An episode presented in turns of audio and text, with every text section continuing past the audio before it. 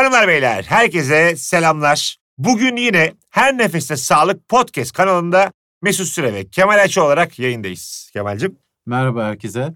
Bugün yine alerjik astımla ilgili çok önemli bir konuğum var. Kendisi göğüs hastalıkları ve immünoloji uzmanı. Çok değerli Profesör Doktor Ferda Öner Erkekol şu an bizlerle.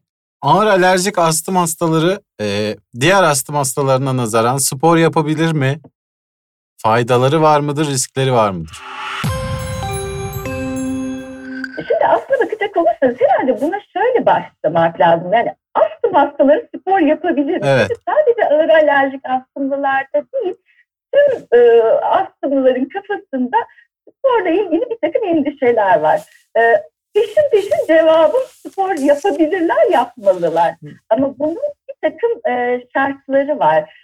Korkunun nedeni şu aslında, bütün astımlar ağır olsun olmasın. Yani Hı hı. astımın doğasında olan şey egzersiz ile nefes darlığı öksürük hissedebilme ihtimalinin Evet. olması. Dolayısıyla hastalar spor yapmaktan korkuyor ya da anne babalar e, çocukların beden eğitimi dersine girmesini istemiyorlar. E, bunun arkasında dediğim gibi biraz önce söylediğim korku yatıyor.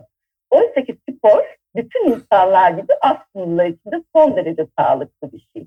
E, birkaç noktada önemli. Şöyle düşünün bir kere sizi fit tutuyor. Yani fiziksel olarak aktif tutuyor. Ee, bu astım için çok önemli. Çünkü obezite özellikle çocuk yaş grubunda ya da erişkin astımlılarda e, astımın ağırlığını arttırabiliyor. Evet. Dolayısıyla biz astım hastalarımızın ideal kiloda olmalarını istiyoruz, fit olmalarını istiyoruz.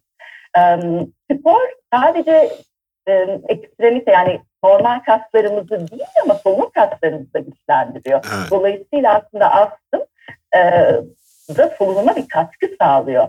Bu nedenle çok önemli. E, ben hani hastaların genel psikolojik durumlarını da çok önemsiyorum. Spor endorfin salgılatıyor. Öyle düşünün. Evet. Emosyonel olarak da onları daha mutlu bir noktaya getiriyor. Ki aslında e, bu da çok önemlidir. Vallahi Yani tam şu an koşup geleceğim ha. O kadar güzel anlattınız ki şu an yani hiç spor yapmayan bir insanım. Ben de neden spor yapmıyorum dedim şu an.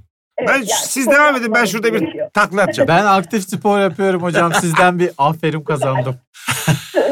Güzel. Mutluyum şu an. Spotify'ın burasında mum duruşu yapsam ikiniz de kaçar gidersiniz burada şu an. İyi yapamazsın. Siz de kaçar. Girmeyelim bence. Hadi o zaman bundan sonrasında amuda kalkarak devam edelim. Var mıyız? Ee, ama şöyle bir şey söyleyeceğim burada hastalar için.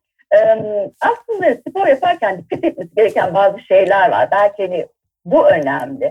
Ee, mutlaka astımlarının kontrol altında olması gerekiyor.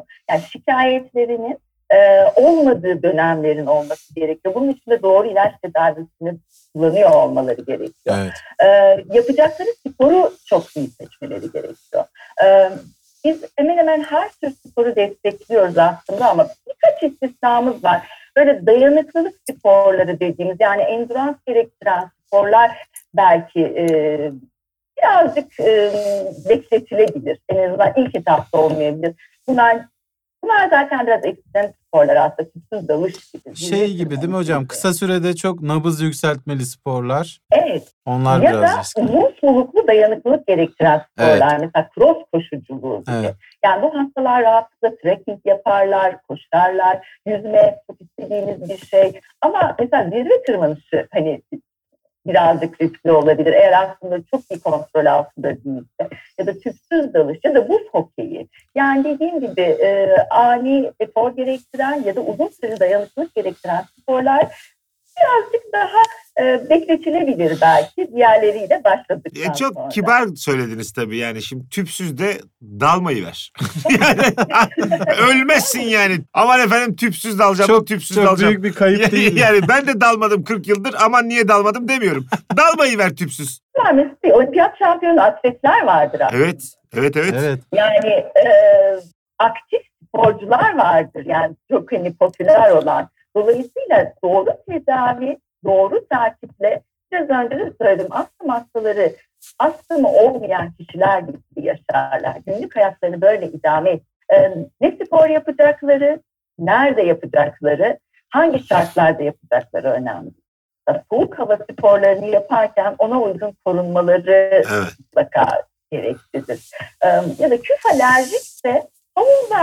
Evet. Seçim olmayabilir. Ha, Daha evet. hava olabilir. Polen alerjik bir hasta yaz döneminde işte dışarıda spor yapmaktansa belki işte iç ortamı kullanması iyi bir şey Anladım. olabilir. Çok güzel. Ee, dolayısıyla spor son derece desteklediğimiz bir şey. Ama hangi spor, hangi şartlarda ne şekilde olacak bunun iyi dizayn edilmesi gerek. Yani doktorlarıyla konuşurlarsa olacak. Sizin sporla aranız nasıl? Dönem dönem çok iyi. Dönem dönem Şu ara? çok kötü. Bu ara kötü. Bu ara herhalde hiç kimse değil. E tabii. doktorların zaten hani başka kaygılarımız var. e, Başka telaşlarımız var. Şu an evet hocam. Şu an çok Umarım zor bu gerçekten. beraber sağlıkla atlatıp daha sporlu dolu günler E, bekliyoruz. Zaten pandemi döneminde ayrıca teşekkür ederiz siz doktorlara. Hayatı devam edebiliyor kıldığınız için. Ee, Yani ben de şöyle bakıyorum. Her işin gereklilikleri var. Bizim için hani şu anda gereklilik bu. Elimizden geleni yapacağız ama bu demek değildir ki mesela sizler de insanların hayatına müthiş bir enerji katıyorsunuz aslında bu dönemde. O da çok önemli. Sonuçta dediğim gibi pandemi bize çok fazla şey öğretti. Biz herhalde toplum için bir şey yapmamız gerektiğini anlamamız gereken bir noktaya Evet. geldik daha yalnızlaştığımız bir dönem oldu bakacak olursanız. Daha evlerde, daha izole, daha yalnızız. Herhalde buradan çıkaracak mesaj herkes gerekeni yapmalı gibi bir noktaya geliriz umarım. Diyeceğim. Ne güzel. E, ben devam etmek istiyorum müsaadenizle. Evet. Bir soru daha Peki var. ağır alerjik astımı hasta yakınlarının dikkat etmesi gereken noktalar var mı? Hasta yakınıyım ben. Ee, çok yakınımda da bir ağır alerjik astım var. Ben neye dikkat edeyim hasta yakını olarak? Şöyle aslında kere kabullenmek gerekiyor. Yani e, bir hasta astım tanısı aldığında kendisi ya da yakını hele anne babaysa önce bir kabullenmeme süreci oluyor. Her hastalıkta olduğu gibi. Oysa ki şöyle bir şey var. E, aslında doktor hasta ilişkisi çok önemlidir. Yani hastalarımızla birlikte yürüyebilmek tedavinin çok büyük bir parçasını oluşturur. O yüzden hastanın ve hasta yakınının hastalığı kabullenmesi gerekiyor ve astımın ne olduğunu, nasıl bir hastalık olduğunu, ne zaman ne yapması gerektiğini e, doktoruyla iletişim içerisinde anlaması bunun için istekli olması gerekiyor. Birinci basamak bence bu. Çünkü hastaya destek olması gerekecek. Daha sonra e, özellikle alerjik astımlıların bazı tetikleyicileri vardır. O alerjenlerle karşılaştıklarında e, şikayetlerinin artma ihtimali vardır. Alerjenlerin dışında e, bizim günlük hayatımızda hiç farkına varmadığımız tetikleyicilerden etkilenirler. Mesela en önemli sigara. Bu hastaların yanında sigara içmemek, içirtmemek gerekiyor. Evet. E, hasta yakının buna son derece dikkat etmesi gerekiyor. Ya da parfüm kokusu. Yani hani çıkarken parfüm sıkmak hepimizin alışkanlığıdır ama ağır alerjik astımlı biriyle yaşıyorsanız bundan feragat etmeniz gerekebilir. Ev düzeninizi buna göre organize etmeniz gerekebilir. Mesela akar alerjik, might alerjik e, bir yakınınız varsa işte temizlik konusunda ona daha çok yardım etmek gerekebilir. Evi daha organize ve titiz tutmak, hani bunlar son derece önemli. Yani tetikleyicilerden onları korumamız gerekiyor. Ama belki de en önemli şey e, hastalığıyla ilgili hastaya destek vermek ve hastalığını takip etmek hastayla birlikte. İlaç kullanımını mesela takip etmek. İlaçlarını doğru kullanıyor mu? Doğru zamanda alıyor mu? Doktoruyla randevusuna doğru zamanda gitti mi? Ee, özellikle gençlerde ve ileri yaşta ilaç kullanımı ile ilgili mutlaka bir uyumsuzluk olur. Ee, dediğim gibi hasta kabullenmek de istemeyebilir ya da overdose dediğimiz fazla miktarda ilaç kullanımına meyilli olabilir. Çünkü ağır alerjik astımlılarda daha çok semptom, daha çok şikayet olabilir. Dolayısıyla doğru ilaç kullanımını doğru şekilde kullandığınız ve kimliğiyle iletişiminin doğru olduğunu takip etmek çok önemli. Bunun dışında da son derece destekleyici olmaları gerekir. Ee, bu kontrol altına alınabilen bir hastalık ağır bile olsa farklı çıkış noktaları bulunacaktır o hasta için.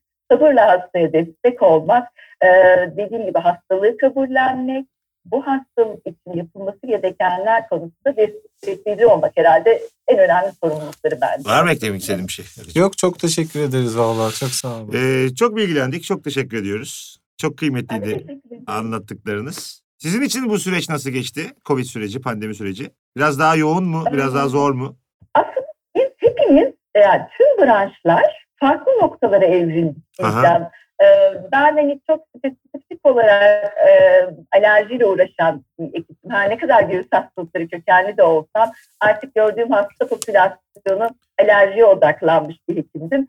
Ama tüm branşların e, belli branşlara destek olması gerekti bu süreç içerisinde. Yani radyolojiden tutun da cerrahi branşlara kadar e, herkesin işte göğüs hastalıkları, enfeksiyon hastalıkları, dahiliye gibi e, branşlara destek atması gereken yani hepimiz aslında özümüzde temelde doktor olduğumuzu Evet, e, evet.